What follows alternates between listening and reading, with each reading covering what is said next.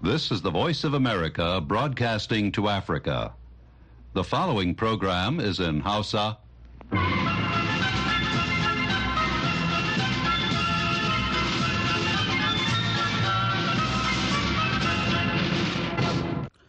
Sashen Hausa na murya Amurka ne ke magana daga nan birnin Washington DC.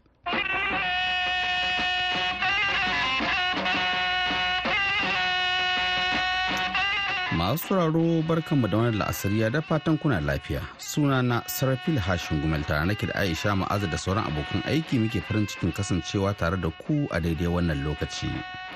Yau ranar Talata sha uku ga watan Fabrairun shekarar dubu biyu da ashirin da huɗu. Kafin ku ji abubuwan da muke tafa da su, Aisha ba kanin labarai. To Sarfilu ana ƙoƙarin ganin an ci gaba da tattaunawar yiwuwar tsagaita buɗe wuta a Gaza yayin da ake fargabar ayyukan sojin Isra'ila a Rafa. Sakataren tsaron amurka lloyd austin ya jingina zuwa asibiti a brussels don halartar wani taro kan ukraine daga gadon asibiti sannan majalisar dattawan amurka ta kada kuri'a da sanyin safiyar yau talata a game da amincewa da kuɗin tallafi ga ukraine isra'ila da taiwan To kanan labaran duniyan kenan. Cikin shirin za a ji cewa asusun bar lamani na duniya ya bayyana cewa tattalin arzikin Najeriya na cikin wani mawuyacin hali. ki ba ne idan ta ayyana mawuyacin halin da tattalin arzikin najeriya yake ciki saboda dalilai da dama na farko yawan bashin da ke kan kasan na biyu kuma rashin zaman lafiyan da ke cikin tattalin arzikin kasan A wani mataki na shawo kan lamarin tsaro a babban birnin tarayyar Najeriya Abuja, jami'an 'yan sandan birnin sun afka wani gidan dambe. To duka an yaki shiga da dare ya kama wajen mutane ɗari uku da wani abu mata guda goma sha huɗu a wurin to dai akwai makaman da aka samu su laya su magunguna su kodin da Daga nan idan lokaci ba mu dama za a ji cewa yau take ranar rediyo ta duniya za mu duba irin tasiri da muhimmancin da rediyo ke da shi a wannan zamani. Sai kuma shirin noma tushen arziki da sauka a jihar Jigawa don duba yanayin noman rani da ake ciki. To amma fa sai mun fara da shan kashi na farko na labaran duniya tukunna.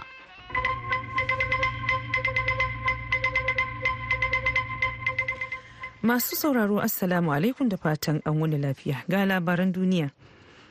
Ana kyautata zaton cewa za a ci gaba da duba yiwuwar yarjejeniyar dakatar da buɗe wuta a yau talata yayin da isra'ila ta ce dakarunta sun kashe mayaka da dama a yankin tsakiya da kudancin zirin gaza. Daga cikin ƙasashen da ake sa ran cewa za a yi zaman tattaunawar da su akwai manyan jami'an amurka misra isra'ila da qatar. Lamarin da ya biyo bayan wata tattaunawa makamanciyar wannan a watan jiya da ya kai ga amincewa da bayyana buƙatar tsagaita buɗe wuta da zai ba da dama a 'yanta mutanen da hamas take garkuwa da su a gaza. Daga bisani hamas ta gabatar da wata buƙatar da isra'ila take amincewa da ita. Sai dai kuma sakataren harkokin wajen amurka anthony blinken ya ce duk da cewa babu alamun nasara tattare da tsarin hamas akwai damar ci gaba da tattaunawar. Shugaban amurka joe biden ya ce amurka na matsa lamba don ganin an dakatar da fada tsakanin isra'ila da hamas a zirin gaza na tsawon makonni shida a wani matakin cimma tsagaita buɗe wuta na dogon zango. Biden da sarkin jordan abdullah sun gana bayan da suka yi wata tattaunawa a fadar white house. Tattaunawar tasu ta mai da hankali akan manyan kalubalolin da suka hada da yiwuwar isra'ila ta kai hare-haren ƙasa a kudancin gaza da kuma barazanar matsalolin jinkai a ɓangaren fararen hulan filastino biden wanda ya bayyana rashin jin daɗi da yadda firaministan isra'ila benjamin netanyahu ya bijirewa shawarar da ya bashi ya ce amurka tana aiki da ƙawayenta a yankin. Don cimma wata yarjejeniyar tsagaita buɗe wuta don a samu damar 'yanta mutanen da ake garkuwa da su a gaza da batun ƙarin agajin jinkai yayin da yake jawabi bayan biden ya kammala jawabinsa abdallah ya sake bayyana buƙatar tsagaita buɗe wuta na dindindin inda ya ce ba zai yiwu mu naɗa hannayenmu a ci gaba da wannan abu ba. Akwai buƙatar a tsagaita buɗe wuta yanzu. Dole ne a kawo ƙarshen faɗar. Likitocin sakataren harkokin tsaron amurka lloyd austin sun kyautata zaton cewa zai iya komawa bakin aiki a yau talata sannan kuma zai halarci wani taro da ya shafi al'amuran ukraine mai mahimmanci ta yanar gizo washe gari. Duk da cewa an garzaya da shi asibiti cikin gaggawa bayan da aka mishi aikin cutar dajin mafitsara karo na biyu. Banda austin shugaban kwamitin shugabannin ma'aikata janar cq brown shi ma zai halarci taron da za a yi ta yanar gizon a kan ukraine da kuma mataimakiyar sakataren tsaro celeste walanda. Taron da za a yi tattauna a kan kwamitin tuntubar tsaro kan ukraine da ministocin tsaron ƙasashen nato na zuwa ne a wani lokaci mai mahimmanci. Ukraine tana ci gaba da kare kanta daga hare-haren da rasha ta zafafa na jirage mara matuka da makamai masu cin dogon zango duk da cewa tana fuskantar ƙarancin makamai yayin da amurka bata baiwa ukraine din tallafin soji ba tun a ƙarshen watan disamba a lokacin da tallafin kuɗin da ta keɓe don tallafa mata suka ƙare. To labaran na zuwa muku ne daga nan sashen Hausa na muryar Amurka a birnin Washington DC. To nan ba da jimawa ba Aisha sake dawa da karashin labaran duniyar. Amma kafin nan a wani rahoto ta fitar asusun ba da lamani na duniya IMF ya bayyana cewa tattalin arzikin Najeriya na cikin wani mawuyacin hali. Abin da ya sa farashin kayayyaki a ƙasar ke hawa. asusun imf ya kara da cewa matsalar tsaro da kuma koma bayan harkar noma ya sanya ƙasar matsanancin rayuwa wakilin ya basha na ɗauke da wannan rahoton A wani rahoto da ya wallafa, asusun ba da lamuni na duniya IMF ya bayyana cewa tattalin arzikin Najeriya na cikin wani mawuyacin hali. IMF ya ce ƙarancin kuɗin shiga a hannun mutane, rashin tabbas game da kayan masarufi da kuma talauci suna daga cikin abin da ya ta'azzara tsadar rayuwa a ƙasar. Don haka ya kamata hukumomi su mayar da hankali wajen samar da hanyoyin da za su tallafa domin bunƙasar tattalin arziki. Rahoton ya ce janye tallafin man fetur faduwar darajar naira da kuma kuma baya a fannin noma sun taimaka wajen tsadar rayuwa a ƙasar. Asusun ba da lamunin ya kara da cewa ƙarancin biyan haraji na daga cikin abin da ke kawo tsaiko wajen aiwatar da ayyuka domin ci gaban al'umma. Imf ya ce najeriya na fuskantar ƙarancin tallafin kuɗin shiga daga ƙasashen ƙetare fama da kalubalen cikin gida da kuma tsadar rayuwa sakamakon tashin farashin kayayyaki da ya shafi duniya. Kazalika imf ya ce duk da haka yanzu najeriya na da kuɗaɗen da za ta iya fara biyan bashi da take binta. Koyaya mawuyacin tattalin arzikin da najeriya ke ciki kamar yadda imf ya bayyana ke shafar 'yan ƙasar sunana usman isa. Wannan tsadar rayuwa da tsaron kayan musu sai dai mu ce allah ya kawo sauƙi allah ya kawo gyara. Amma wala ana cikin mawuyacin hali. Domin da abin da muke sayan mu sa'in masara mu can birnin kebbi dari uku yau naira dubu ɗaya da waccan gwamnatin ta wuce ana ta kuka ana ta kukan cewa bata iya bata iya muna fatan wannan in ta wannan ta zo za mu samu canji mai alkhairi. Abin sai ƙara haura yayi. Mana Abdullahi Sani ba a taɓa tunanin yau an waye gari abubuwa an rasa yanda wannan al'amari yake gudana. domin komai ya zama abin da ya zama. Duk abin da ka saya yau naira mukaddara ka sai abin yau 500 in ka kuma ka sai 15 nawa nake sai shinkafar nan? Ba ta huce 1300 amma an waye gari da hannu na je na sai shinkafa 3500 ni shaida ne ba karya ba. A hirarsa da muryan amurka Yusha'u Aliyu masani kuma mai sharhi kan lamuran da suka shafi tattalin arziki ya ce rahoton IMF ba abu mamaki ba ne. wannan hukuma ta lamuni ta duniya ta daɗe tana bin diddigin tattalin arzikin duniya a ciki har da najeriya kuma ba abin mamaki ba ne idan ta ayyana mawuyacin halin da tattalin arzikin najeriya yake ciki saboda dalilai da dama. Na farko yawan bashin da ke kan kasan na biyu kuma rashin zaman lafiyan da ke cikin tattalin arzikin kasan wanda ya hada da yaƙe-yaƙe na boko haram da hare-haren 'yan ta'adda. Da sauransu. Waɗanne matakai ne ya kamata ita kanta bankin lamuni ta duniya za ta ɗauka ta yadda za ta shawo kan halin mawuyacin halin da ake ciki a ƙasar. Dole ne wannan hukuma ta duba basussukan da ke kan Najeriya ta kuma duba yadda aka karɓo waɗannan kuɗaɗe da kuma yin amfanin da aka yi matattalin arzikin da aka yi da su da kuma irin gudunmuwan da waɗannan kuɗi suka bayar ko kuma ba su ba da ba saboda ta haka ne kawai ita wannan hukuma za ta iya taimaka ma najeriya saboda najeriya tana cikin mambobi da suke aiki ka'in da na'in da wannan hukuma wanda kuma take karɓan kudade masu girma domin gina tattalin arzikinta wanda kuma hakan bai samu ba. Yanzu dai hankulan 'yan ƙasar ya karkata ne ga gwamnatin tarayya domin ganin matakan da za ta fito da su domin ceto su game da halin tsadar rayuwa. Rukayya Basha, muryar Amurka daga Abuja a Najeriya. To a gaida Rukayya Basha, wannan shirin na zuwa muku ne daga nan sashen Hausa na murya Amurka a birnin Washington DC. Yanzu ga Aisha ɗauki ta damu da ƙarshen labaran duniya. Majalisar Dattawan Amurka ta kaɗa ƙuri'a da sanyin safiyar yau talata a game da amincewa da kuɗin tallafi ga Ukraine, Isra'ila da Taiwan na kuɗi da yawansu ya kai dala biliyan 95 sai dai yunkurin wannan matakin ya ci karo da 'yan adawa a majalisar wakilai da ke da rinjayen 'yan Republican.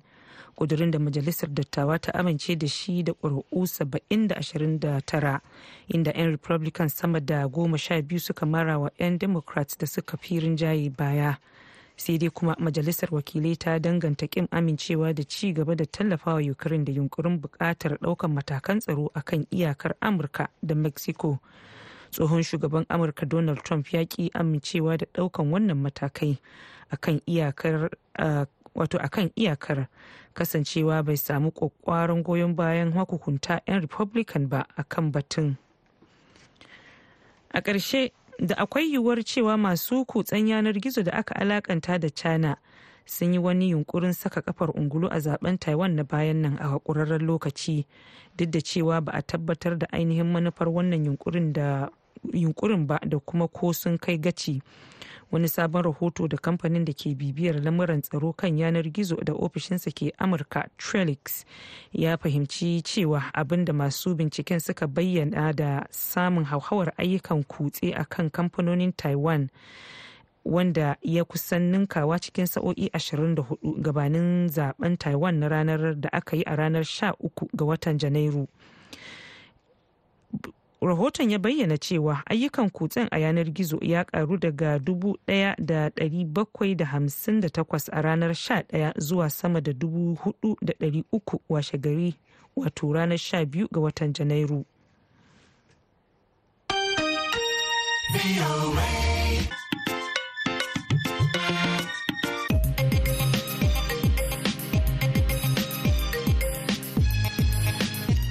Aisha Ma'azu kenan ta karanto mana labaran duniya daga nan sashen Hausa na murya Amurka a birnin Washington DC.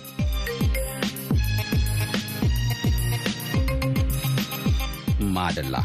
A wani mataki na shawo kan kalubalen tsaro da ya addabi waje da cikin babban birnin tarayyar Najeriya Abuja. Rundunar 'yan sandan birnin ta kaddamar da wani samami inda ta tafke sama da mutane 300 kamar yadda za a ji karin bayani a wannan rahoton da Hassan mai na kaina ya aiko mana. Biyo bayan karuwar aikata miyagun laifuka a ciki da wajen yankin babban birnin tarayyar najeriya ire-iren fashi da makami satar mutane da neman kuɗin fansa. Rundunar 'yan sandan birnin ta kaddamar da wani shirin samar da tsaro mai take operation velvet inda kwamishinan 'yan sandan birnin cp ben igwe ke jagorantar wannan samame. A samame na ba bayan nan kwamishinan 'yan sandan ya jagoranci wasu zaratan jami'ansa inda suka afkawa wani gidan dambe da ke unguwar daidai a yankin karamar hukumar buhari da ke wajen birnin abuja. Sp josephine ade ita ce kakakin 'yan sandan birnin abuja ga kuma karin bayanin da ta yi min da ya fita da kai ya je redin a cikin gidan dambe duka wurin da kun identifying wurin cewa akwai irin masu yan wannan suna suna yawan zuwa gurin to da muka samu bayani cewa wurin ana amfani da gurin a maimakon dambe ana amfani da gurin ana yin wa'ansu abubuwa haka. Sannan kuma masu gidajen nan ba su bi alƙada sun yadda ake bi a samu license na wuran nan ba. To duka an yaki shiga da dare ya kama wajen mutane ɗari uku da wani abu mata guda goma sha huɗu a wurin. To dai kwai makaman da aka samu su laya su magunguna su kodin da su kuma wiwi a cikin mutanen nan da su kuma adda da wayansu abubuwa. To mutum ya je gidan dambe zai je da irin wayannan makaman. Dama dai wasu mutanen da ke zaune a wannan yanki sun daɗe suna korafi da fargabar fuskantar barazanar tsaro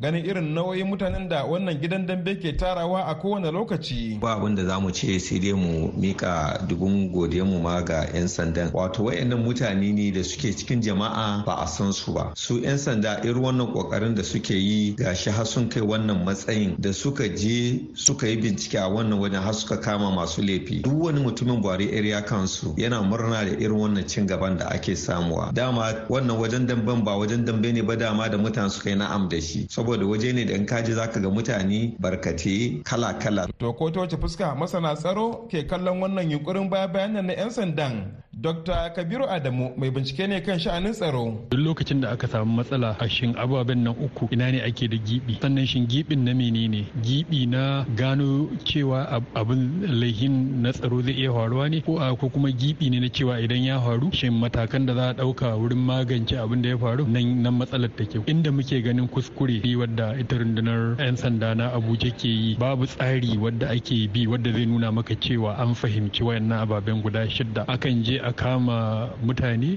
gabatar da su gaban 'yan jaridu amma ba kasafai muke ganin ana hukuntar da su. Dr. Kabiru Adamu Hassan mai na kaina muryar Amurka daga Abuja, Nigeria. To a gaida Hassan mai na kaina wannan shirin na zuwa muku ne daga nan sashen Hausa na muryar Amurka a birnin Washington DC akan mitoci 1625 da kuma 31. A jamhuriyar Nijar kuma za a iya samu a tashar mu ta VOA Africa akan mita 200.5 zangon FM. Hawa kuma a duk lokacin da ake so za a yi zuwa shafukan mu yanar gizo domin sake jin wannan shirin da masu sauran shirye-shiryen mu da suka gabata ta adireshin mu na voahausa.com. Yanzu a nan Washington DC agogon mu na cewa ƙarfe goma da minti goma sha shida na safe. Yanzu kuma sai shirin mu na gaba.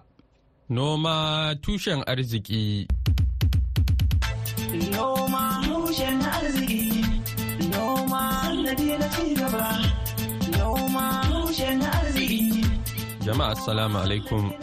Barkanmu da warhaka. Barkanmu da sake saduwa a shirin noma tushen arziki wanda ni Muhammad Hafiz Baballa ke gabatarwa. Karma wanda baya shi ne ta da mu. Sannadi na arzikin mu shi ne uwa uwa. Idan akwai abinci ba A ƙarshen shekarar da ta gabata ne gwamnatin tarayyar Najeriya ta kaddamar da shirin noman alkama a jihar Jigawa da ke arewa maso yammacin ƙasar. Yanzu haka da yake manin watanni biyu kenan tun bayan kaddamar da shirin noman rani na bana. Wakilin Mahmud Ibrahim Kwari ya tattauna mana da gwamnan jihar Jigawa Malam Umar Namadi kan noman alkama na bana inda ya fara da tambayarsa kamar haka. Yadda aka fasalta ba da tsarin nan an ce jigawa an bata kashi arba'in bisa ɗari na adadin ma wato kayayyakin da za a ba manoman nan. Um, ina kwana zancen tunda aiki ya fara kankama misali. Gwamna yana samun rahotanni yadda al'amuran ke tafiya? Alhamdulillah, ai kullum kusan duk sati sai an ba mu rahoto me yake faruwa sannan bayan rahoton da ma'aikata za su ba mu muna da mutane daban-daban da suke ba mu rahoto. Bayan haka kuma nima kaina ina zagawa na ga abin da yake. Nima manomi ne nima ina cikin harkar. So ba wanda komai muna gani. Kuma dai alhamdulillahi wannan noma alkama ya kan kama mutanen jiga. Ina musu godiya ƙwarai da gaske don sun karɓi wannan tsarin ƙwarai da gaske. Kuma ina tabbatar musu insha Allahu ba za su yi da na sani a cikin wannan harkar ba. Muna roƙon Allah da ya shiga cikin al'amarin. Allah ya kai mu samun nasara. Amma insha Allahu kamar kashi arba'in da aka ba mu kusan alkamar da muka noma yanzu ta kai kusan hekta dubu hamsin a jihar Jigawa. Your Excellency, ka ce a lokacin a jawabinka gaban mu ka ce gwamnatin jiha ta yi wa manoman nan 'yan jigawa garantu a wurin wani wani banki ko ne ma'aikata ce da za ta ba da lamani. akwai matakai misali wataƙila za a yi ƙarin haske saboda zancen dawo da kuɗin nan. Su wannan kamfanin da suka yi garanto ɗin nan sun zo sun ba manoman nan training na yadda za su yi za a ci gaba da harkar alkaman nan sun ba da training kuma training na an gaya manoman nan abubuwa yadda za su yi ƙoƙari su tafi da harkar aikin nan na alkama. Wannan an yi ne domin a tabbatar cewa ba a samu matsala ba idan aka zo karuwar biyan bashin nan. Kuma kamar yadda muka ce kusan yanzu gwamnatin jiha tana wa dukkan manoman jihar jiga rijista za a maka rijista a gonarka za ka tsaya a gefen gonarka a maka rijista a ɗauke ka a ɗauki girman gonarka a ɗauki inda take.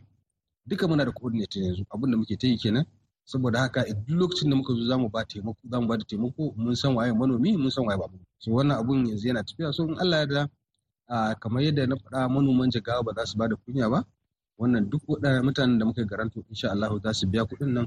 Kuma za a karɓe shi cikin sauƙi. Farko farkon aikin ya excellency na aikin ba da rabon kayayyakin nan an samu korafi cewa a tsarin ana fifita wasu mutane 'yan siyasa waɗanda ma ana zargin kamar ba manoma ba ne. Gwamnati ta samu wannan rahoton kuma wani matakai ka ɗauka. To gaskiya an samu matsaloli amma dai babu zancen magana fifita 'yan siyasa a ciki gaskiya. An samu matsaloli kuma duk wani sabon abu ya taso dole za a samu matsala a cikinsa. Babbar matsalar da aka samu an samu matsala na na'ura a wataƙila sunayen waɗansu bai fito da wuri ba waɗansu bai fito da musamman a wannan aikin kwamishina na tarsa da gaba ɗayan sai tafi zauna a abuja.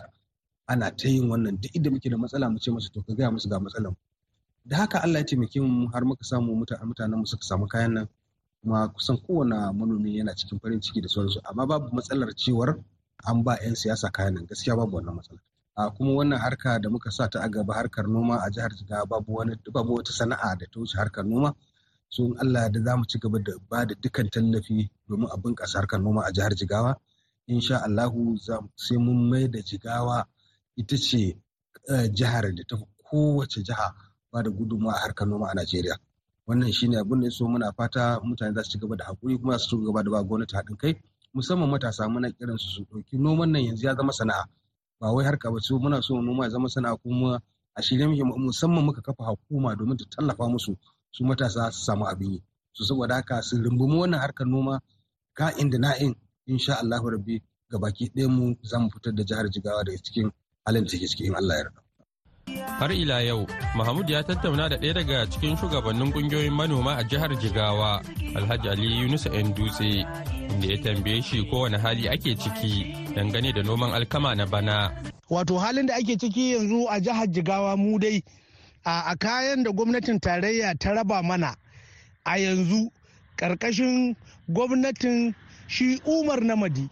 Wato manomanmu da suke jihar Jigawa sun amfana kusan mutum dubu ɗari huɗu wanda gwamnatin umar namadi ta sahalewa manoman mu a jihar jigawa ta ba su to yanzu kuma noma ya kan kama kuma duk inda ka je ka a jihar jigawa guraren da aka yi noman alkama nan to ina gaya maka cewa babu zaune zancen tambaya an yi wannan noma an shimfiɗa shi.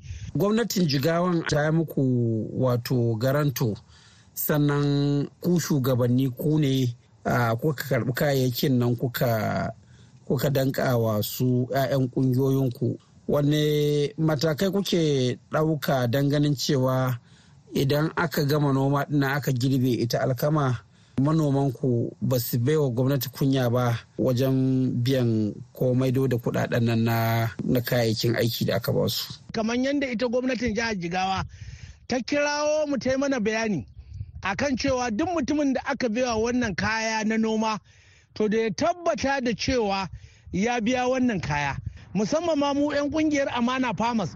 Da yanzu haka ɗin nan muke bin gonakai gonakai wanda duk aka ba su wannan kayayyaki a muke tabbatarwa da cewa umarnin da gwamnati ta ba da to sun bi wannan umarni kuma an yi noman.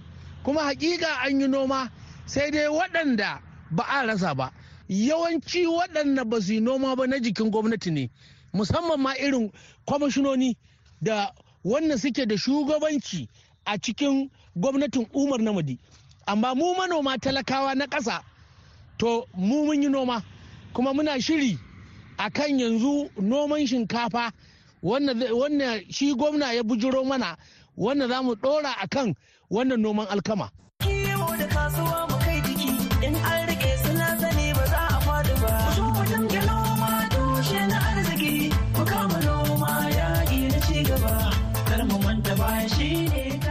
Kuma sai sashen kasuwa inda za mu leƙa kasuwar tarauni da ke jihar Kanan Najeriya domin jin farashin kayayyakin masarufi a wannan makon. sunana suleiman mai sayar da shinkafa da wake. Abin da nake sayar da shinkafa ba ta dafawa dubu uku da ɗari biyu. Akwai ta tuwo dubu uku da ɗari ɗaya. Fara ta tuwo sai wake ja dubu biyu da ɗari biyar. Fari manya dubu biyu da ɗari huɗu. Wannan shine farashin a yau da yake da nake sayarwa kaya yau. Tun da ya fara hawa bai har yanzu baya sauka. Dai kawai hawa yake hawa yake baya sauka da yan a yan dai watannin daga dai farkon januwari disamba januwari har zuwa yanzu. Gaskiya kaya in yi hagu baya zakowa dai ƙara yin sama. Ba ciniki.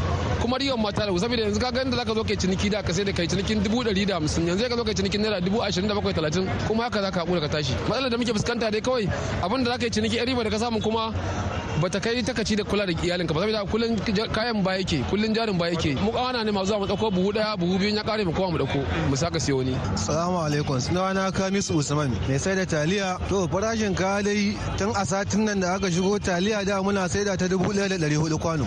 Amma a yanzu sakamakon farashi ya yi tsada ta koma dubu ɗaya da ɗari takwas. Shi kuma makaroni ya koma dubu ɗaya da ɗari shida.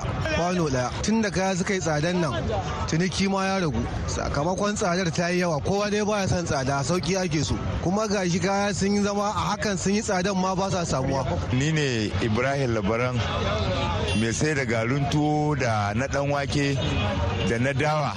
Farashi yau da jiya muna sayarwa dubu ɗaya da ɗari bakwai da ɗari takwas. Amma wanda muka samo yau ya koma za a sai dubu da ɗari shida na masara. Na dawa za a sayar dubu ɗaya da ɗari biyar sakamakon da da ɗari shida. Taliya muna sayarwa dubu ɗaya da ɗari takwas. Makaroni muna sayarwa dubu ɗaya da ɗari shida. Duba da yadda kaya ya yi tsada mutane ba sa iya sayan kayan. Maimakon mutum ya sai rabi mai sayan rabi sai zo ya auna gwangwani biyu uku ko yanzu ma ga wani mutum ya zo haka na auna man makaroni gwangwani uku zai je yi maneji da iyalinsa maimakon da yakan sayi rabin kwano ko kwano guda ko ma fiye da haka. Masu sauraro a nan za mu dasa a cikin wannan shirin namu dan Allah ya kai mu makon gobe za mu kawo muku wani sabon shirin.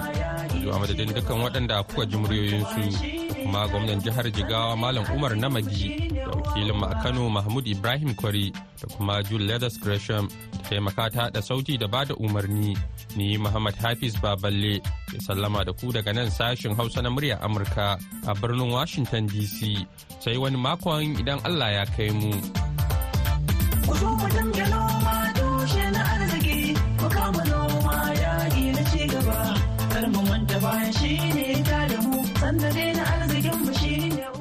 To madalla a gaida Muhammad Hafiz Baballe. To yanzu ga Aisha ta da labarai amma fa wannan karran a takaici.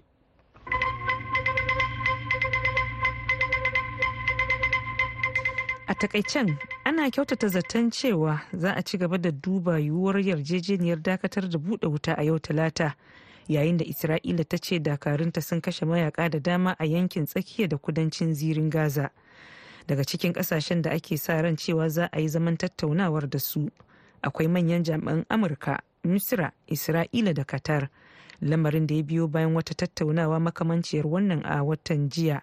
da ya kai ga amincewa da bayyana buƙatar tsagaita buɗe wuta da zai ba da dama a 'yanta mutanen da hamas take garkuwa da su a gaza shugaban amurka joe biden ya ce amurka na matsa lamba don ganin an dakatar da fada tsakanin isra'ila da hamas a zirin gaza na tsawon makonni shida a wani matakin cimma tsagaita buɗe wuta na dogon zango. Biden da sarkin jordan abdullah sun gana bayan da suka yi wata tattaunawa a fadar white house. Tattaunawar tasu ta mai da hankali akan manyan kalubalolin da suka hada da yiwuwar isra'ila ta kai hare-haren ƙasa a kudancin gaza. Da kuma barazanar matsalolin jin kai a ɓangaren fararen hular wato fararen hular filistino likitocin sakataren tsaron amurka lloyd austin sun kyautata zaton cewa zai iya komawa bakin aiki a yau talata sannan kuma zai halarci wani taro da ya shafi al'amuran ukraine mai mahimmanci ta yanar gizo washe gari duk da cewa an garzaya da shi asibiti cikin gaggawa bayan da aka mishi aikin cutar dajin mafitsara karo na biyu.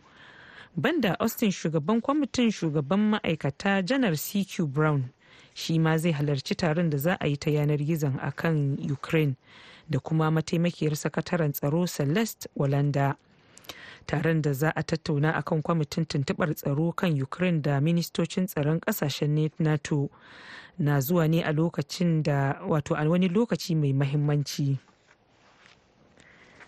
Majalisar dattawan amurka ta kada ƙuri'a da sanyin safiyar yau talata a game da amincewa da kuɗin tallafi ga ukraine isra'ila da taiwan na kuɗi da yawansu ya kai dala biliyan 95 To ma dalla a gaishe ki masu sauraro da haka ne muka kashin shirin namu na yanzu sai kuma an jima dare za mu sake da muku da wani sabon shirin idan Allah ya yarda. Domin sake jin wannan shiri da ma sauran shirye-shiryen mu sai a ziyarci shafukan mu na yanar gizo ta adireshin mu na voahausa.com har ma da shafukan mu na kafofin sada zumunta. Yanzu kan a madadin Aisha Ma'azu da ya taimaka shirin ya zo gare ku sai kuma Julie Leathers Gresham wadda ta haɗa shirin tare da ba da umarni har ma da injiniyan mu na yau Pete Handley. Daga nan birnin Washington DC ni Sarfil Hashim Gumel ke cewa mu kasance lafiya. Amma ga shirin yau da gobe shirin matasa. salamu alaikum